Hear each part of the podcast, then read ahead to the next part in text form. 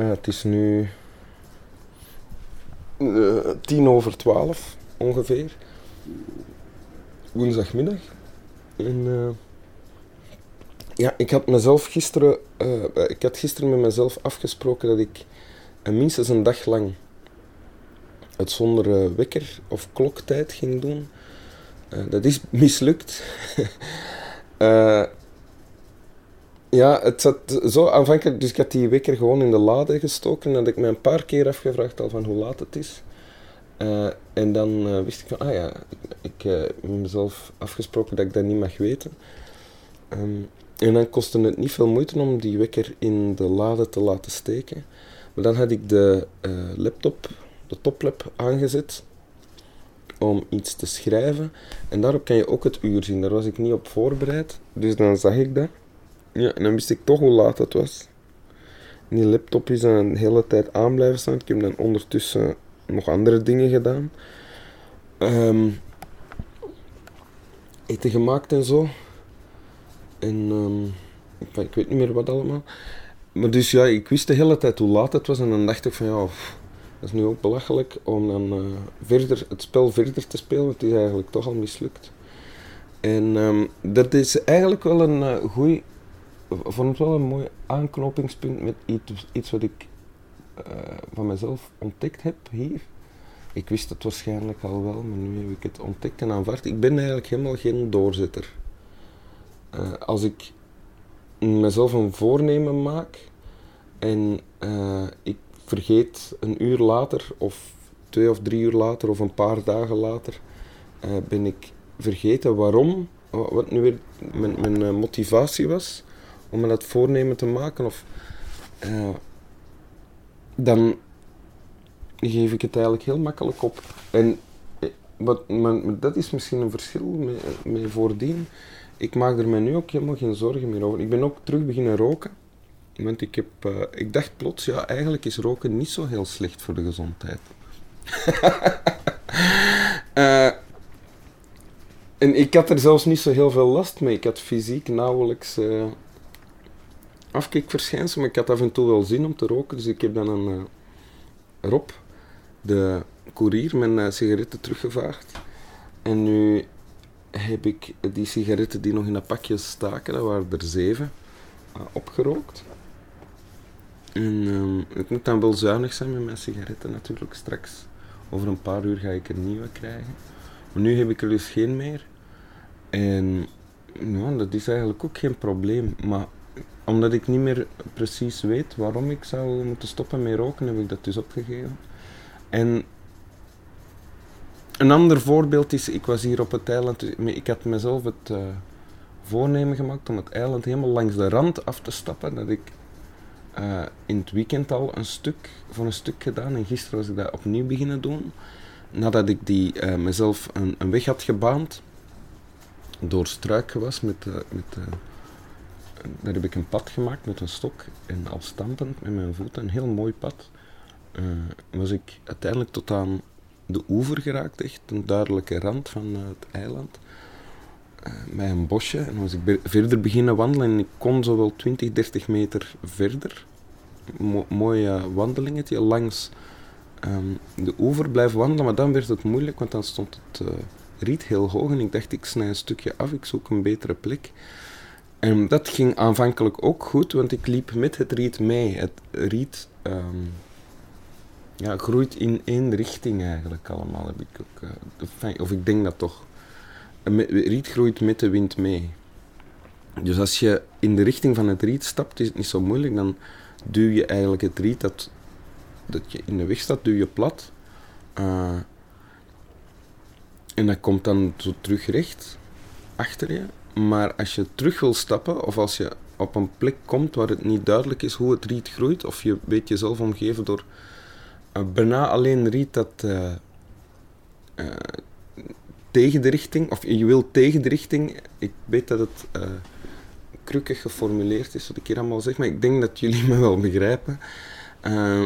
dan is het eigenlijk heel moeilijk, zelfs, al, zelfs wanneer het riet niet heel hoog staat. En het staat op sommige plekken wel heel hoog hier. Um, zeker als er, dan, als er dan een beetje water staat, dan sta je dus tot ongeveer aan je enkels in het water. En dan is het enorm moeilijk om jezelf een weg te banen door dat riet. Om, ja, zeg maar, om vijf meter te stappen, dat is al uh, heel moeilijk. Het is niet onmogelijk. Uh, en ik denk, een, uh, iemand die zichzelf onder de noemer doorzetter plaatst, die doet het dan wel, die houdt het dan vol. Maar ja, dat moest ik dus doen gisteren op mijn tocht daar door het riet. En heb ik dan even geprobeerd. En dan stopte ik en dan zag ik zo op een, uh, grashalm voor mij een, uh, een rupsje zitten. Een klein, half opgekruld rupsje. Dat er gewoon zat. Ja. Dat bewoog niet. Bewoog zo, die grashalm die bewoog mee met de wind. En dan, dus die rups ook, maar verder deed die rups niet. Niks. En dan dacht ik, ja, dat kan ook. Je kunt ook gewoon op dezelfde plek blijven staan. Dus dan heb ik dat een tijd gedaan. En dan heb ik, dacht ik van, oef, ik goed zien hier, uh, waarom zou ik hier heel de rand van het eiland uh, moeten aflopen? Dus ik heb dat idee dan maar opgegeven. En dan heb ik mijzelf terug, een, een weg teruggebaand, wat ook al moeilijk was. Naar eerst de plek waar ik wel aan de oever kon, en dan het bosje en vervolgens het pad enzovoort. Uh, en ik ben er eigenlijk ook helemaal. Uh, ik heb er 100% tevreden mee. Met het feit dat ik geen uh, doorzitter ben.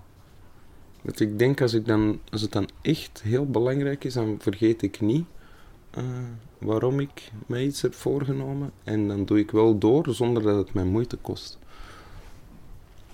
Dat zeg ik nu, hè. misschien zeg ik morgen iets anders. Maar ik denk, ah ja, yoga trouwens. Ik was, uh, deed ook elke ochtend de zonnegroet hier, tot nu toe. tot gisteren toe, dus daar ben ik ook mee gestopt. ik, het is wel leuk om gestopt te zijn met dingen ook. Uh, ja, de voorbije dagen was het mooi weer kon ik het buiten doen en hier in de boot zelf.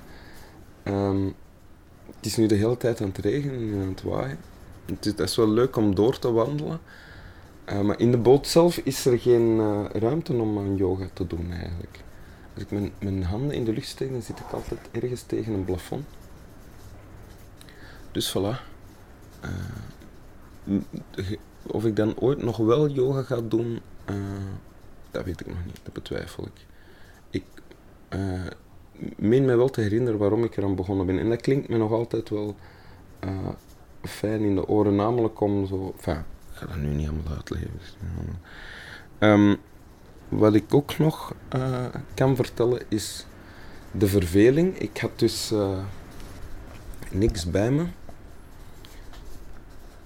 om mezelf te dwingen om, of ja, dwingen om de verveling op te zoeken en te zien wat er dan gebeurde.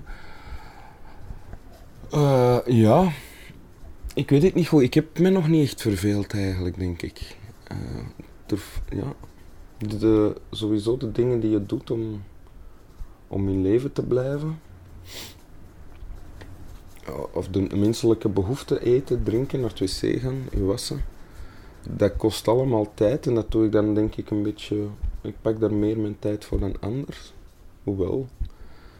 En um, verder wandel ik of ik zit binnen of ik zit naar het vuur te kijken. Hier is een kacheltje.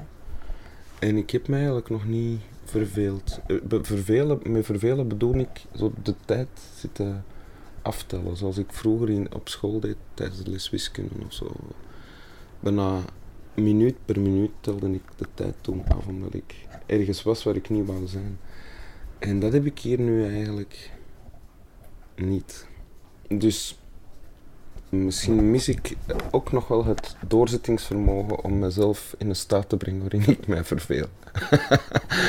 Omdat dat dan uh, daarvan een onvoorlopige conclusie zijn.